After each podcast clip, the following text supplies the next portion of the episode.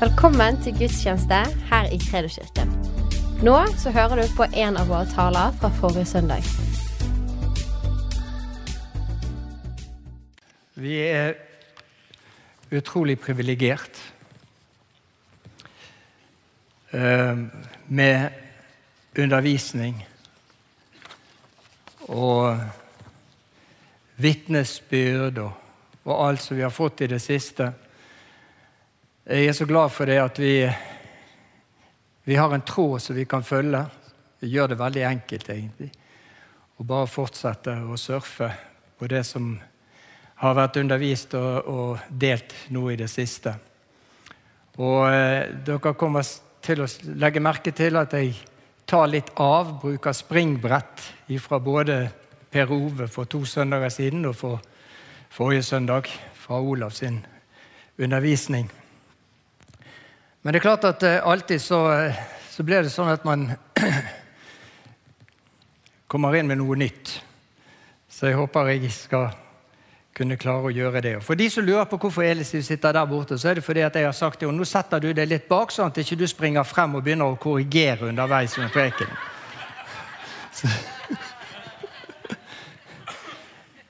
Ja, nei, det var, det var bare nesten sant.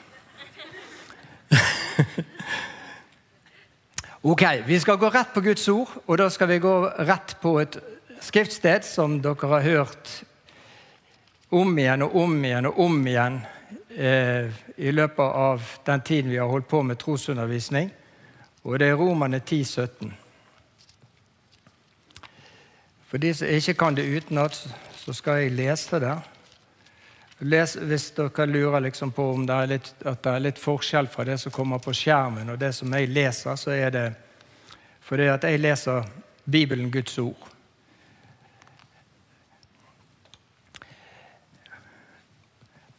Og I Romane 10, 17 så står da disse kjente, kjente ordene fra Paulus. Så kommer da troen av det en hører, og det en hører, kommer ved Guds ord. I en fotnote til verset her i min bibel så står det istedenfor Guds ord så står det Kristi ord. Og Kristi ord er faktisk det som er rett. Det står ikke Gud der, det står Kristus eh, på gresk. Eh, jeg er veldig takknemlig til Gud for én ting. Og det er at når Elisiv og meg ble frelst i 1972, så kom vi rett inn i begynnelsen på trosbevegelsen. Og vi leste Kenneth Hagin før mange av dere var født, faktisk. Og, og før mange av dere kunne lese. og det er ingenting, tror jeg, som har vært mer retningsgivende for vårt liv, og også for hvordan vi har lykkes med Guds hjelp med de tingene som vi har gjort. For det at det å ha tro, det er selve fundamentet både for liv og tjeneste. Og Når jeg nevner det med tjeneste, så, så vil jeg henvende meg litt også til, til dere som er unge som er her, og som kanskje begynner liksom å se for deg en tjeneste for Gud. Mye av det her som jeg deler, det, det, det, det kan bli nyttig. Jeg skal være litt beskjeden og si nyttig for dere når dere hører det. Men det som skjedde med oss, det var det altså at vi, det var noen som hadde vært i USA, og de hadde fått tak i bøkene til Heigen, og de hadde fått tak i kassetter. Hvis noen ikke vet hva kassetter er, så kan du spørre Olav etterpå. Men det, det, og vi hørte på disse kassettene, og vi leste disse bøkene. Og det ble altså Fordi det var Guds ords forkynnelse, så ble det altså et sånt ord som førte til tro. Sant? Altså, Troen kommer av det du hører, sier Paulus. For det er jo klart at på den tiden da Paulus skrev dette her, så, så bare hørte de. Da, da, da, leste de ikke, sant? for det var ingenting som var skrevet av, av Nytestamentet. Så det var bare den undervisningen som ble overlatt muntlig, overgitt muntlig til neste og neste og neste og neste, som eh, Paulus egentlig snakket om her. Og Olav var jo inne på dette her med hvor viktig det er at vi er i Ordet. At vi leser Ordet, studerer Ordet, grunner på Ordet, for at tro skal bli bygget i våre egne liv. Og det er klart at Når du leser Guds ord, så leser du Guds løfter, og så ser du å Gud har sagt det, og ja, takk og lov, ja vel, da vil jeg tro det. Og så vokser troen og vokser troen og vokser troen, eh, sånn som vi hørte om forrige søndag.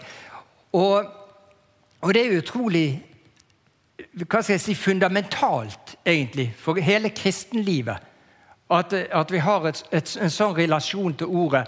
At vi mater oss med Guds ord og på den måten blir bygget opp på vår høyhellige tro. Det gjør vi også ved å be Den hellige ånd, men altså når, når, det gjelder det å få tak i løftene, få tak i det Gud sier, det som Gud har lovt, så må vi lese. Og så må vi lese om igjen. Sant? Vi må ikke bare lese én gang, vi må lese om igjen og om igjen. og om igjen. For dette ordet det skal ikke bare liksom gå inn gjennom eh, forstanden, og så liksom har vi lest det. Men det skal bygges inn i vår ånd for å bli et fundament for liv og tjeneste. Og i dag så hadde jeg tenkt at vi skulle forlate akkurat den siden, og så skal vi gå videre til å se på noe annet når det gjelder akkurat dette her, dette her med, med eh, troen som kommer av det en hører. Du skjønner det at eh, hvis du, hvis du skal se på dette skriftstedet her på, Hvis du ser på det på gresk, så står det egentlig sånn altså nå, Dette her er en direkte oversettelse fra det greske. Ikke det at jeg kan gresk, altså, men det fins jo hjelpemidler. sant? Det vet jo alle. Litt grann forstår jeg, fordi vi hadde litt grann gresk på, på bibelskolen i Saronsdal, faktisk. En gang for en manns alder siden. Så Det er ikke bare det at det gjelder dette generelle Guds ord, men det gjelder faktisk også det Gud taler personlig til oss. Bare hør her. Den egentlige betydningen, altså den rett oversatt fra gresk, så står det 'tro av å høre'. Det står ikke 'kommer'. Det har de måttet sette inn, for eh, det, det står ikke på grunnteksten. Men betydningen er jo det at troen kommer. Sant? Altså tro av. Så troen kommer av å høre. Og å høre ved ett Kristi ord, står det. Det, liksom, det, det grammatikalske her det spiller en rolle. sant? Bare for å ha sagt det, altså, I dag så blir det bibeltime, preken og vitnesbyrd. Ok? I den rekkefølgen, sånn omtrent. Men det, dette her er veldig viktig for at vi skal skjønne betydningen av at Gud taler også personlig til oss. Alle, alle som har levd litt med Jesus, de, de vet det at, at, Jesus han taler personlig til oss.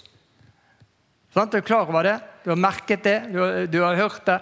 Og, og, Han ikke bare taler, men han, han, på en måte har andre metoder også som han bruker for å gi oss retning og gi oss noe som vi kan bygge troen vår på, eller bygge vår vandring på. Og Det skjer ikke bare ved liksom at, at, du hører, i betydningen hører med ørene, men du hører på andre måter også. Du kjenner. Du bare vet. Du har en indre overbevisning. Det er bare noe som kommer på innsiden, og du bare vet at det der var Herren.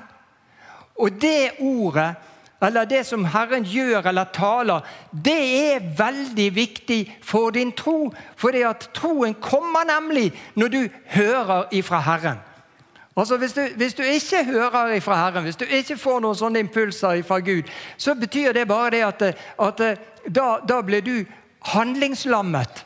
For da får ikke du den trosimpulsen til å gå og gjøre noen ting for Gud.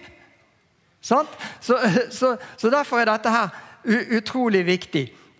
Der, så det står, det står Kristi ord på gresk så brukes det greske ordet som alle vet og alle kan, rema.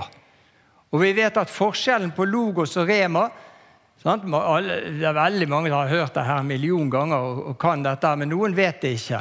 Men altså, det er to ord på, på gresk som er oversatt med ord. Det ene er logos, og det andre er rema. Og da er det sånn at Man ofte oppfatter det sånn at logos er det generelle Guds ord. Det som er skrevet i Bibelen, f.eks. Det meste er logos. Men så det som Gud taler personlig, det er rema. Tanja Simo husker det på, i gamle dager. så Vi, vi, vi, vi drev oss og sa det, at vi hadde fått et rema. Sant? Vi gjorde det. Jeg har fått et rema. Fordi vi, vi, følte det at Gud hadde talt personlig til oss. Og, og det står faktisk her i den greske teksten i Romane 10, 17, så står det rema. Det står et, en, en, bøyning av det. Det står rema toss, men det er, altså, det er sammenknyttet med, med, noe annet i grammatikken der. Men det er altså rema. Og nå skal du høre noe som jeg også oppdaget i mine studier. Og det var det at rema kan faktisk bety en befaling. En tilskyndelse. Det er et gammeldags norsk ord, men det er en sånn der spark i baken. sant? Sett i gang, gjør noen ting. Og, og det er meningen med det ordet som skal føre til tro. For det skal føre til en tro på at vi kan handle på det som Gud har sagt. Og det, det, Dessverre er det sånn innenfor kristenheten og innenfor mange, i mange menigheter og sammenhenger så er det sånn at det, det, er veldig mange mennesker som aldri kommer inn i det som de egentlig skulle vært inne i, fordi de ikke våger å tro på akkurat det som Gud har talt til dem. De kan liksom ikke få seg til å tro at det er det Gud vil. Altså når vi, når vi gikk på bibelskolen i Sarensdal, så trodde ikke vi at vi skulle til Afrika i begynnelsen. Det var helt uh, fjernt, det. Men så når det der dukket opp, og liksom Gud talte om det og sånn og nå må jeg bare si det, Hvis, hvis noen har hørt noen av mine historier før, så, så får dere bare være overbærende. Det, det, er mine historier, og jeg forteller dem så ofte jeg vil. Ok? men det er til velsignelse for dere som hører det. Men altså, Vi trodde ikke det, men så kom det en overbevisning. Det kom liksom, på, Gjennom mange omstendigheter så kom det en overbevisning om at vi, det var det vi skulle gjøre. Og Da fikk vi tro for å gjøre det. Og Noen de syntes jo det at vi var splitter pinegale. Vi solgte jo alt vi eide. Og pakket kofferten og tok tre små barn med oss og reiste til Afrika. og Nesten omtrent sånn som Abraham, som dro ut uten å vite hvor han dro hen. Sant? Så vi, Det var omtrent nesten på det nivået. Ikke hadde vi fast underhold. Vi hadde bare noen enkeltpersoner og noen en liten gruppe mennesker som hadde sagt det, ja, vi skal støtte dere. Men vi visste at Gud hadde talt, og det skapte den troen i våre hjerter at dette kan vi gjøre. Og det viste seg jo veldig fort at det var helt rett. For det, det øyeblikket jeg kom på, på, flyplassen i Nairobi for første gang i mitt liv og satte foten ned på asfalten der, så kjentes det ut som jeg var kommet hjem. Sånn, denne feelingen, sant? Du har vært lenge vekke, så åpner du din egen dør og går inn i ditt eget hus, og så sier du endelig hjemme. Den feelingen har mange hatt. Sånn var det det funket. Og Det som er utrolig, det er det at, at Gud vil dette for alle. Altså, Det er ikke bare de som skal ha tjenester og gjøre viktige og større ting for Gud, men det gjelder oss alle sammen. Og det gjelder faktisk helt ned på hverdagsplanet. Sant? Når du får denne innskytelsen at i dag skal du ringe til den personen. i dag skal du gjøre det. Den innskytelsen er ment å skape tro for at du skal ha den handlekraften som er nødvendig for at du skal gjøre det som Gud ber deg om. Sånn, skjønner du det? Sånn, fatter du og begriper du. Gud vil så gjerne bruke deg. skjønner du. Og du tenker kanskje noen ganger ja, det er meg. Noen ganger kan ikke bruke meg. Jo, det kan han. Men han må få lov å plante et ord inn i deg. En overbevisning, en tilskyndelse. Noe sånn, sånn som pirker borti et eller annet i deg som gjør at du blir interessert og nysgjerrig på hva er det som ligger fremfor deg. Hvordan, hvordan kan dette bli? Skal jeg gå videre med dette her? Sånn? Og Så begynner du å be over det, søker du Gud om det, og så kommer den overbevisningen til å bare bli sterkere og sterkere. Og sterkere og sterkere. Og så har du da den troen som gjør at du får den handlekraften som er nødvendig. Bare sånn på gøy så er det en engelsk bibeloversettelse som heter The Passion Translation. Og, og Den er veldig bra, for den tar tak i en del ting ganske sånn nøyaktig, men får vridd det til på en måte som gjør at du får en helt annen forståelse. Og Ut ifra det som vi nå har hørt om fra det greske. Sånn skal du høre her hvordan The Passion Translation oversetter Romane 10, 17. Troen blir altså født i et hjerte som responderer på Guds salvede uttalelse ved den salvede. Sant? Altså På gresk står det Kristus. Det betyr den salvede. Det er det greske for Messias. Sant? Og det betyr den salvede. Så når Gud kommer med en salvet uttalelse eller salvet, eh, et salvet utsagn så gjelder deg, og han kommer ved det ved Kristus, altså det er Jesus som gjør det, den salvede, sånn, så er det en salvelse som følger med det som Gud taler til deg personlig. Jeg håper du får tak på det her, også, for det er så utrolig viktig. For det er den salvelsen som gir deg kraften til å handle på det som Gud sier. Sånn, at du kommer inn i de tingene som Gud har for deg. At du får gjort de tingene som Gud vil at du skal gjøre. At du våger å tro der hvor det liksom eh, handler om å gå på vann, eller handler om å, å, å, gjøre andre helt eh, overnaturlige ting. Så jeg heller til den tanken at jeg tror at mer enn noen ting så betyr Romane 10, 17 det Gud taler til deg personlig. Den overbevisningen han legger ned i ditt hjerte. Det han tenker om, om deg og de planer han har for deg. Der kommer troen. Der er det liksom denne lighteren sant, som bare tenner en ild i ditt hjerte. Og så begynner du å brenne for den tingen som Gud vil at du skal komme inn i. Halleluja. så, så, det er veldig enkelt, dette her. Sant? Altså, vi må høre. Og så må vi ta imot det vi hører. Sant? Det er det neste. Og så må vi tro på det vi hører. Og så må vi ha mot til å handle på det vi hører. For troen skaper mot. Når du, når du, liksom begynner å tro på noe, da tør du noe. Da tør du å gjøre ting som ellers hadde vært helt ko-ko. Eller det eh, virket som at eh, fornuftsmessig så var ikke det det du burde gjøre akkurat der og da. Så vi må høre, ta imot, tro og ha mot til å handle for at vi skal kunne forløse Guds vilje. Både i våre egne liv og også selvfølgelig i alt det vi skal gjøre overfor andre. Så vi må ikke være helt egoister sant? og bare tenke på jeg må vite, jeg må vite, jeg må ha Guds vilje, jeg må skjønne det, jeg må tro. Men du må skjønne at mye av det gjelder jo det du skal gjøre, som handler om andre mennesker. Så du skal både be for, og så du skal betjene. Sant? Der også trengs denne her trosflammen å bli tent. Så vi trenger både mot, og vi trenger lydighet. Vi skal se på et skriftsted til, Jakob 1, 22. Vi ser om, eh, om det har, der har vi det. Jakob 1, 22. Dere må gjøre det ordet sier, ikke bare høre det. Ellers vil dere bedra dere selv.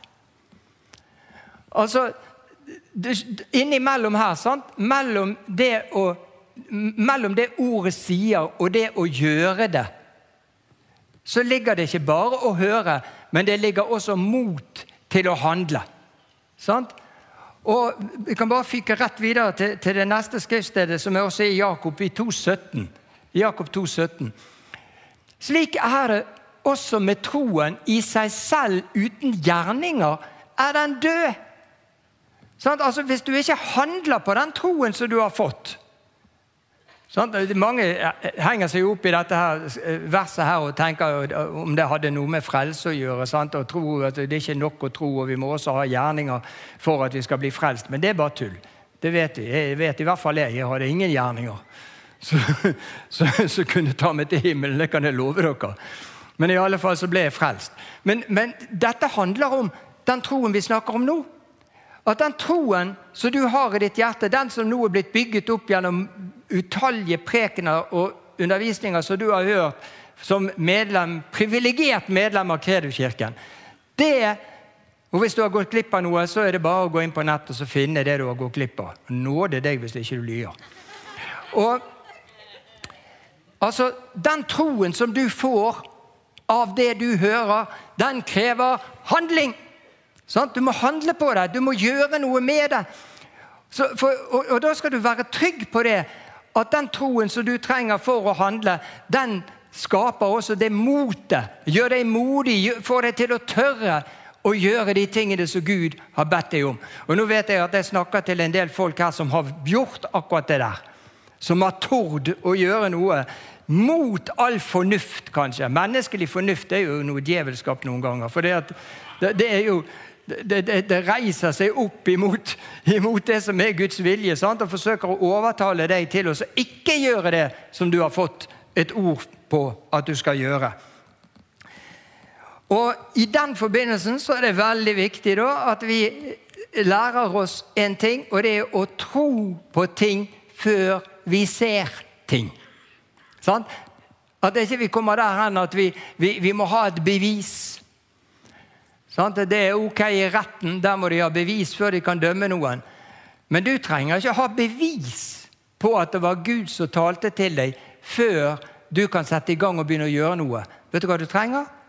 tro. Og så mot og handlekraft. De tingene sammen. Det, det, det blir en veldig fin kombinasjon skjønner du, som gjør at da kommer du inn i et veldig herlig, dynamisk liv sammen med Jesus. Halleluja. Og Da tar han deg fra det ene trosskrittet til det neste. Da fører han deg fra den ene fantastiske opplevelsen til den neste, hvor du ser at det du tror, det går faktisk i oppfyllelse for det du vågde å tro på det. Og du trakk deg ikke tilbake og du tenkte at dette er for krevende, dette er for vanskelig. Vi må lære oss å gå på det vi hører. Amen. La oss gå på det vi hører. Det kommer personlige ting til hver eneste en av oss. Gud gjør ikke forskjell på noen av oss, men han gir oss alle et eller annet på et eller annet plan som gjør at vi skal settes i bevegelse i tro og gjøre de gjerninger og de ting som han har kalt oss til. Så er det jo sånn at vi, da, Dette tror jeg Jeg vet ikke om Olav var inne i hebreabrevet sist, men, men om, om, han tok akkurat dette verset, det vet jeg ikke. Men se på hebreerne 5,14. Du skjønner det at hvis du skal, eh, hvis du skal, eh, skal du, var, var inne på det her, sant? Det var, det var en del av forrige preken. Og, og da, da hang jeg meg opp i det der at hvis du skal ha skjerpete sanser, sånn, Så, må du, så må du være klar over det at de åndelige sansene dine de oppøves ved bruken. Altså ved at du bruker dem. Din åndelige hørsel. Sant? Din åndelige oppfattelsesevne av de tingene som Gud taler, de oppøves ved bruken. Ved at du våger å ta noen trosskritt. Og om det var så at du skulle gjøre en feil, så skal jeg bare fortelle deg en ting. Det fins en som heter Jesus. Han er veldig nådig og veldig barmhjertig. At Skulle det nå være sånn at du tok, tok feil en gang, så er det faktisk bedre at du prøver å gjøre noe og feiler, enn at du bare sitter på baken og venter på at overbevisningen skal bli sånn à la Moses og Gud på fjellet og liksom de opplevelsene der. For de kommer ikke. Du har Den hellige ånd, du, som bor på innsiden av deg, og han taler. Amen. Han taler. Du trenger ikke fly lange veier og leite og leite og, og tenke hvor skal jeg få høre fra Gud. Hvordan skal det gå til? Det er veldig enkelt. Lytt innover. Amen. Lytt innover. Og så i det, det, det, det, der med at du lærer deg og så ikke, ikke bli sløv i sansene, du blir skjerpa sansene dine, så, så unngår du også så, sånne her eh, dumme ting som, som liksom å uh, stole på din forstand, det var nå én ting. Men, men, også sånn eh, feilaktig input fra andre. Andre som mener at du skal. Sant? Og så er det veldig ofte det at de som mener at du skal, det er personer som du ser opp til. Sant? Og på en eller annen måte har en respekt for. Og Så blir det veldig vanskelig, fordi de kan ikke holde munn. De tror at de har hørt fra Gud på dine vegne. Og det er ikke alltid. Det er mye bedre at du hører fra Gud på dine vegne, og så kan du teste det ut. Sant? Etterpå. I etterkant. Kan du teste ut og se hvordan reaksjonen er. Men det, du må passe deg da òg, altså, for det kan godt være det noen som vil forsøke å overtale deg til ikke å gjøre det som du har kjent fra Gud at du skulle gjøre, fordi at de syns det er helt teit. Sant? Her gjelder det å vite at man hører fra Gud. Men du, må, du, du, opp, altså du skjerper sansene ved å bruke dem igjen og igjen og igjen og igjen. Da får du en skarpere hørsel. Og så er det det der òg, bare for å ha tatt det poenget, at vi husker det at når du er sammen med Jesus, sant? mye sammen med Jesus, så blir det lettere å skjelne hans stemme. ikke det riktig? De som har erfaring på det. Altså, da blir denne stemmen lettere gjenkjennelig. Hvis du lever liksom ute i periferien, og sånn, og, og det kommer liksom et eller annet som du hører, så, så, kan det være lettere for at du går inn i vantro og tenker at det kan ikke være Gud. Men så var det Gud. Stakkars deg da hvis du har gått glipp av noe fantastisk herlig som Gud hadde for deg. Eh, la oss se på 1. Peter, kapittel 1 vers 7. Det er faktisk det siste skriftstedet jeg skal lese. Men Det betyr ikke at jeg er ferdig ennå. Slik blir troen deres prøvet. Selv forgjengelig gull blir prøvet i ild. Troen som er mye mer verd. Hør det. Troen som er mye mer verd. Mye mer verd enn var gull. Sant? Må også prøves, så den kan bli til pris og herlighet og ære for dere når Jesus Kristus åpenbarer seg. Og jeg tenkte når jeg leste det, der, når Jesus Kristus åpenbarer seg, så tenkte jeg det er ikke bare det når han åpenbarer seg den dagen han kommer igjen, men det er når han åpenbarer seg i de tingene som du våger å gå ut på i tro. For der kommer han til å åpenbare seg. skjønner du. Det er der han er. sant? Det er der Han er Han er i, i, i, i sin vilje for ditt liv. Der fins Jesus. Halleluja. Og der åpenbarer han herligheten. Så her, her er det snakk om den prøvede tro står det i andre oversettelser. Sant? Den prøvede tro som er kosteligere enn fint gull som dog er prøvet i ild. Det var flott. Det var 1930-oversettelsen. Den prøvede tro. Hva er den prøvede tro, da? Jo, det er det at du prøver og tester det er ikke bare liksom at du blir prøvd. 'Å, jeg er blitt så prøvd.' Sant? Og alle plager og alle ting som liksom kommer mot deg i livet, og så tenker du at det er prøvelsen. Men det er ikke bare det som er prøvelsen. Prøvelsen ligger også i det at du våger å tro. Sant? Våger å gå ut på de ordene du hører, de tilskyndelsene du får, og det du kjenner i ditt hjerte at du skal gjøre. Der også ligger en prøvelse. Når det er prøvd, når du blir prøvd på det området, da er det at troen gjør sånn som vi hørte forrige søndag. Den vokser. Den vokser, og den vokser. For ofte, Du kan ofte sammenligne troen med en muskel. Sant? Altså De som går og trener, de får større muskler. Ikke se sånn på meg. Altså De som, de som trener, de får større og større muskler. Sant? Fordi at, at musklene vokser ved at de blir anstrengt. Sant? Ved at de blir prøvd. ikke det riktig? Er det noen som trener her? Nei, det er det sikkert ikke. Men vi, vi trener bare åndelig. For vi har lest det der med den, den legemlige øvelse som er nyttig til lite.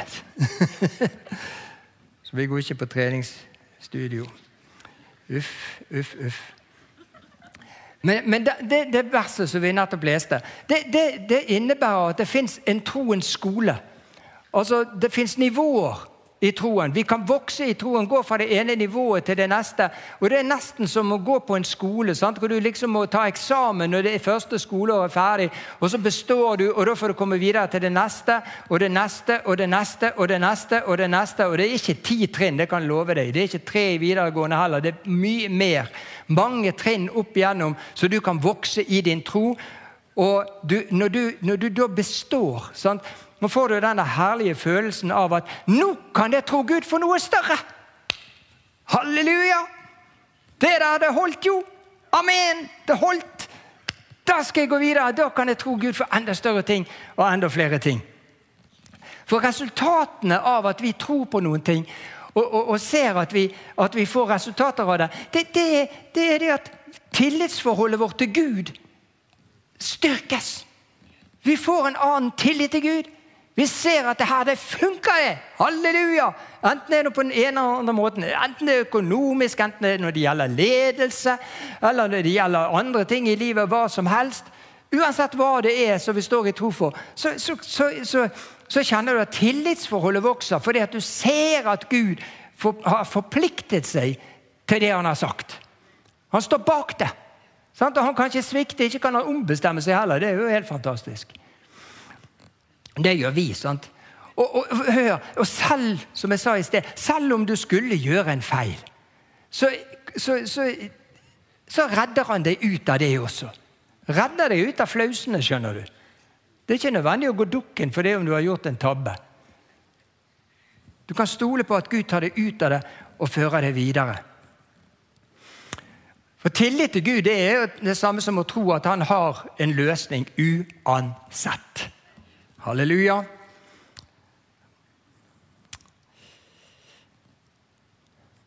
Nå er vi ferdig med bibelundervisningen, vi er ferdig med prekenen, så nå kommer vitnesbyrdene. For Du skjønner det at jeg er så heldig jeg kan stå her oppe med den autoritet at jeg vet at det funker. Halleluja. Skal du høre noe? En ting som alltid er en utfordring for misjonærer, Stort sett, og Hvis de ikke blir sendt ut av store organisasjoner eller store menigheter. eller noe sånt. Ikke sånne som oss som reiste ut i tro og hadde noen få sjeler som hadde sagt ja, vi skal se om vi kan få sammen noen penger til dere i løpet av måneden. og sånn. Men så, da, da, har de utfordring med å få, få det som skal til for at arbeidet kan gå sin gang. Og En viktig ting da er jo det som vi alle sammen har stående utenfor her, det er en bil. Og Nå skal jeg høre noen flotte bilhistorier som forteller om hvordan vi vokste i tro. Jeg sa i sted at når vi, når vi reiste ut, så, så, så, hadde vi solgt alt vi eide. Og Mesteparten av pengene gikk jo til, til, til, bibelskolen først. Og så gikk det til flybillettene som vi skulle ha. Vi reiste ut på enveisbillett til Kenya. I tro tenkte vi skal være her, vi. Halleluja. Hva skal vi med returbillett? Det endte jo med at vi reiste hjem til slutt, som dere ser. Men altså vi, vi, Sånn gjorde vi det. Men så var det alt det der vi skulle ha når vi kom ut. Sant? Vi leide et hus, vi måtte kjøpe møbler. Og så måtte vi jo ha en bil. Og så var det en misjonærkollega som hadde en, en, en, en plass, og han hadde kjøpt en bil. og tok oss med der, og vi hadde jo akkurat så mye penger. Og endte opp med å kjøpe en bil. Og det var en fantastisk bil. Det var en trosbil. Og den bilen det var jo alt mulig i veien med den. Det, var, det oppdaget jo ikke vi før etter en stund. Arild Edvardsen kom og skulle ha et ha korstog og predikantseminar, og så skulle vi hente han på flyplassen. Og Vi hentet han, og han så på denne bilen og så sa han, det er lenge siden jeg har kjørt en prosbil. sa han. Ja, det her er en trosbil, sa vi. vet du. Og så kjørte vi Skulle parkere Arild på Hilton hotell i sentrum av Nairobi. Og når vi kom frem der, vet du, så sto oljerøyken ut fra motoren. Det var et eller annet som ikke bare lekket, men det Ja. I alle fall, og Den bilen den, skulle jo vi ha med oss. da Vi, vi kjørte tilbake og fikk fikset noe. Jeg trodde vi fikk fikset noe. Så kjørte vi av gårde og skulle opp til der som vi bodde. Det var jo et stykke fra Nairobi. da, 280 km. Og der var noen bakker. I skråningen opp til Mount Kenya, som er 5100 meter. Vi skulle ikke opp på toppen, men altså vi skulle oppover. oppover, oppover. Så oppi en bakke der der ga jo denne der bilen opp ånden. Og der sto vi fire stykker og, og, lurte på hvordan skal vi komme videre. Sånn. Så kom der en barmhjertig samaritan da, og slengte ut et tau og slepte oss opp til nærmeste by. Og Vi visste ikke hva vi skulle gjøre. Sant? og Vi tenkte det, ja, vi får ringe til de der i Nairobi som har solgt denne bilen. og høre, så vi, de, vi må få en annen bil. De kan ikke ha denne her. De har lurt oss. Jo da, han er inderen. Han var helt på tuppa. Og han sa jo da, de, de kommer i morgen. De kommer i morgen, kommer med ny bil kom hadde sett på en annen, så vi sa få den andre istedenfor. Det var forresten en folkevognboble. Det er ikke liksom den bilen du tenker på. Det er en bussmisjonæren i Afrika. Han kjører boble. Jeg hadde en kollega han kjørte Renault 4, hvis noen kan huske de. Og så var det de der som var de store menighetene. De kjørte Peugeot 504, sånn syvseter stasjonsvogn. Fletta nye. sant? Ja, ja. Men iallfall så, så overnattet vi på, på hotell der, og da satt Elis hjemme med tre små barn. Og det var jo ikke mobiltelefoner den gangen, og hun lurte på hvor i all verdens navn og rike det var blitt av oss. Og Til slutt så var, fikk vi kontakt med de på kontoret til, til menigheten. og, så, og sprang der en opp til Elis og sa ja, de har krasjet på veien. De hadde jo ikke krasjet, det var bilen som hadde krasjet. motoren som hadde krasjet. Vi jo, levde jo i beste velgående, og der satt hun og lurte på hva i alle dager som hadde skjedd. Og så hørte hun ingenting fra oss, for vi klarte ikke å komme frem. Sant? Så vi måtte gå via han der gjøken på, på, på kontoret der, som ikke kunne ta imot en beskjed. Så, så, det var vekk med den bilen. Og så var det boblen. da, så Den kom jo fra Nairobi. Vi kjørte boble, og så skulle vi reise til Garissa. Langt ute i ørkenen. Og da skulle vi kjøpe en ny bil. For vi måtte ha en bil som funket der ute. Vi kunne ikke kjøre, altså De siste kilometerne, titalls hundre kilometer fra Garissa, var jo bare to spor i sanden. Sant? Og det, det, er ikke, ene der egner det seg ikke med boble.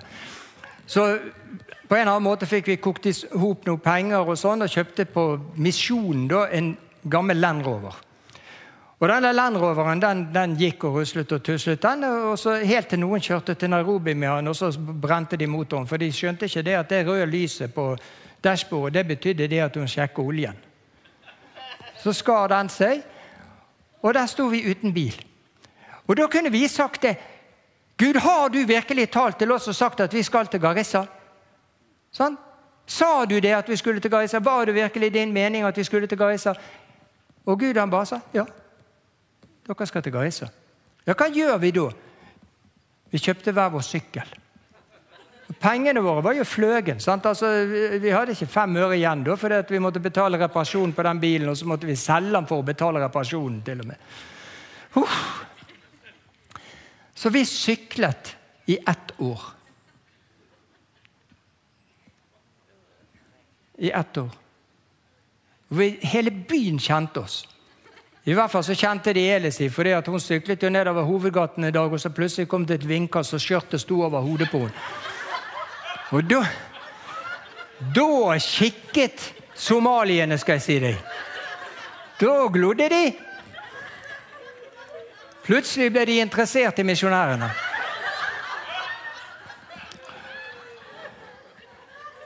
Men vi sto i tro hele det året og sa vi skal ha en bil. Amen. Vi skal ha en bil. Vi skal ha en bil, og vi sa det til de hjemme. Vi må ha en bil. Vi kan ikke holde på sånn som dette. Vi må ha en bil. En bil skal vi ha. I Jesu navn skal vi ha en bil. Og så fikk vi noen penger. Og så reiste jeg til Nairobi med de pengene og så tenkte jeg at dette er jo ikke nok til å kjøpe en bil. Men vi får nå se. Få opp det første bildet. Se hvor kry han er, han der. Men jeg kom hjem igjen med den der. Og det var faktisk en nesten ny bil. Som eh, bilforhandleren hadde fått inn igjen fra en som ikke kunne betale avdragene. Og de tilbød meg å kjøpe den på avbetaling. Og du vet, enten er du full av tro, eller så er du tussete. Hvis du da setter deg inn for en avbetalingskontrakt på en bil når du bare har et løselig underhold å forholde deg til. Men vet du hva? Den dagen vi inngikk den avtalen, eller fra den dagen vi inngikk den avbetalingsavtalen på, på den bilen, så økte våre månedlige inntekter omtrent akkurat med det beløpet vi skulle betale for bilen hver måned.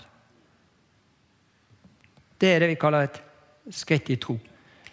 Nå er ikke vi sånn at vi, vi, anbefaler folk å ta ting på avbetaling og låne masse penger. og alt sånt som det, Men det var løsningen den gangen. Det var løsningen den gangen.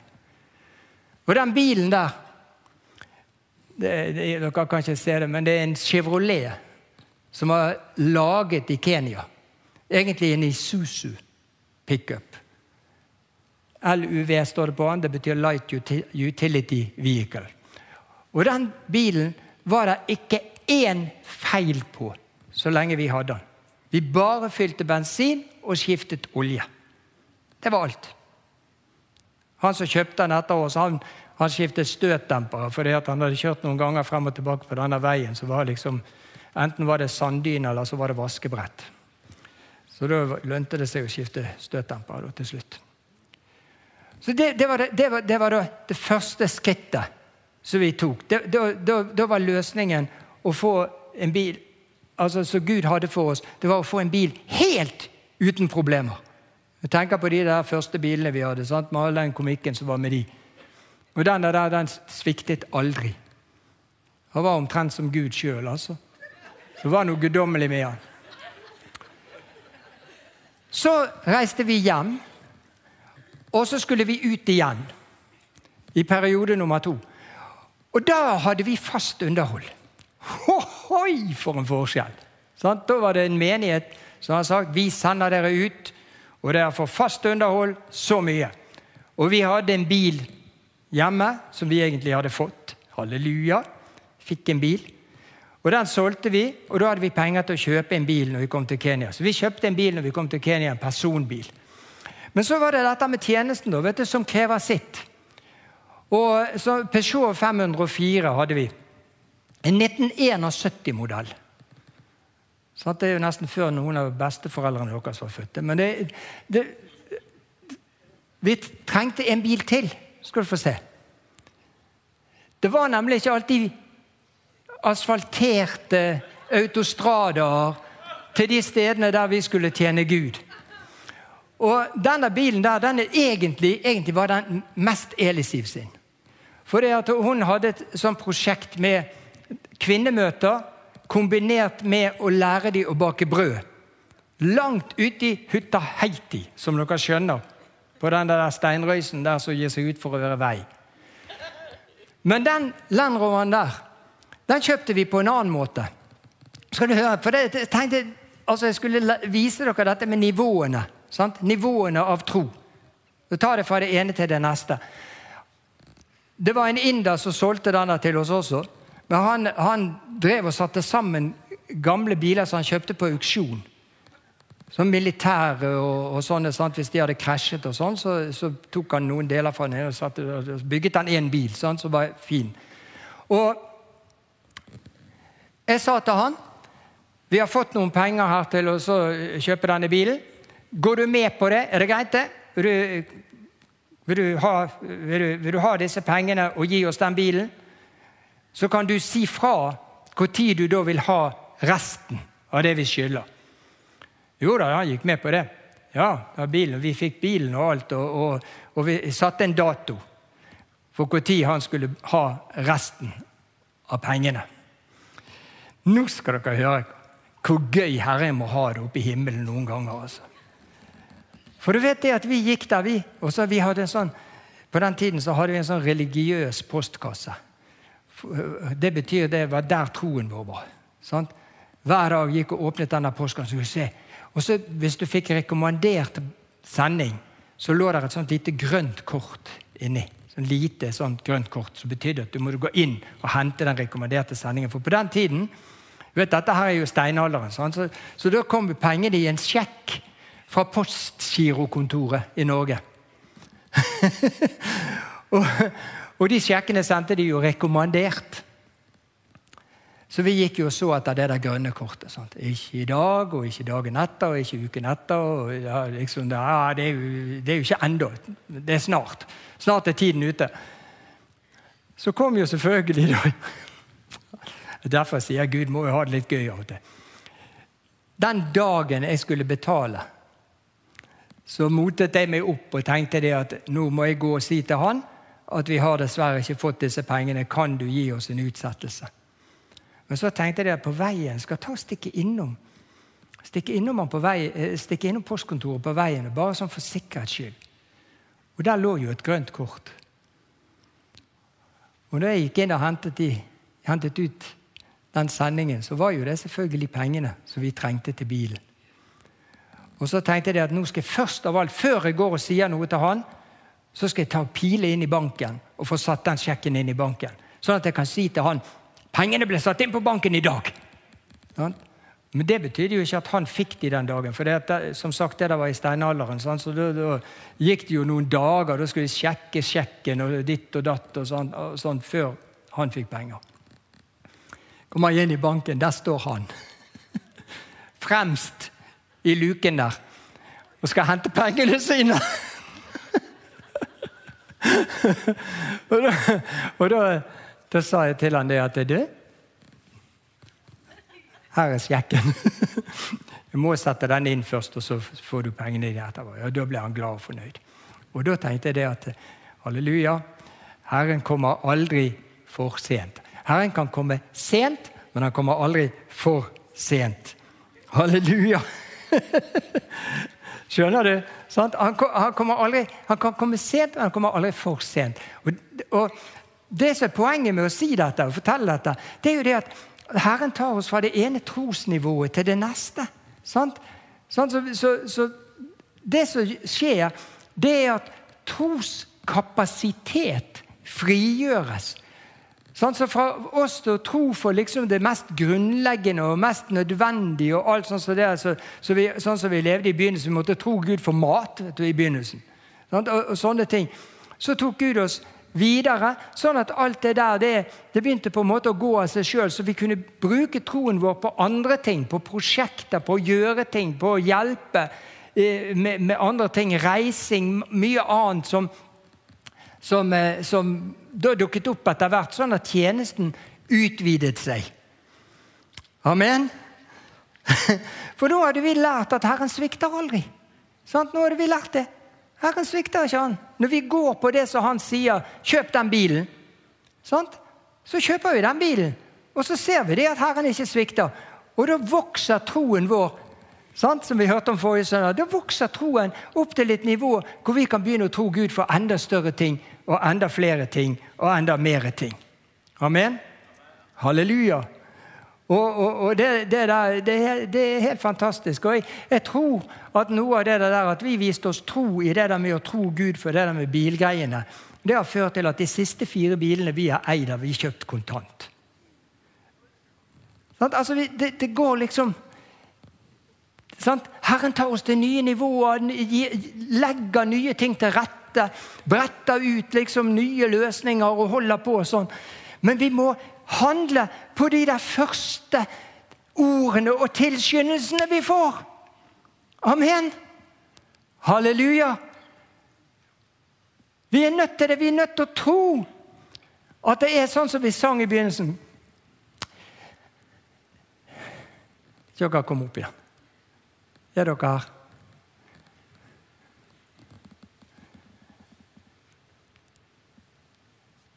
Jeg tror vi må synge 'Waymaker'. Og det passer så utrolig bra. He makes a way! Noen som kan utenlandsk? Sant? Det er ikke noen problemer med å forstå en engelsk sang. Har du det? Waymaker betyr en som gjør en vei. En som legger til rette en som gjør det som skal til for at tingene kan bli sånn som det skal bli. Halleluja. Alle dere som står i tro for noen ting. Gud kommer. Gud kommer. Om så det var i siste sekund, så kommer han. Amen. Om så det var den dagen du gikk i banken og skulle si 'jeg klarer ikke dette', så står kanskje Gud med skrankene og venter på deg. Det er ikke skranker lenger i banker. Det var før det. Det var i min tid når jeg jobbet i bank. Da var det skranker.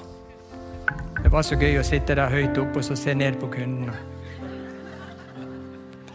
Halleluja. Hør! Hent frem igjen de tingene som Gud talte i utgangspunktet. Hent det frem igjen. Og så tar du en beslutning og så sier du, 'Gud, jeg vil tro på dette her.' 'Jeg vil gå på det. Jeg vil handle på det. Jeg vil gjøre det.' Amen. Jeg vil ikke stå der som et nek og så gå glipp av, av de tingene som Gud har planlagt for meg. Jeg vil gå på det, og jeg vil gjøre det. Tal det ut. Amen. Og stå på det. Enten det er noe, noe generelt løfte du står på, eller, eller, det er en sånn personlig ting som Gud har talt til deg. Skal vi reise oss? Skal vi synge denne sangen en gang til, 'Waymaker'? Og så skal vi proklamere det ut. Ikke bare liksom sånn 'Ja, Gud, langt der oppe i himmelen, du er den som skal lage en vei for meg.' Nei, du skal dra ned når du synger den sangen. Dra ned og inn i ditt personlige liv. Og ta han til deg og si deg, 'Herre, du er ikke bare en waymaker sånn generelt, men du er min waymaker'. Jeg vil tro på det. Jeg vil tro det. Jeg vil tro at det skjer sånn, at det går på den måten. Halleluja. Amen. Halleluja.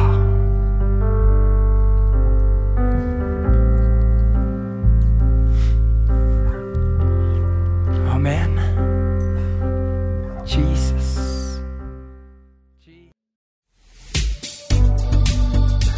Tusen takk for at du lyttet.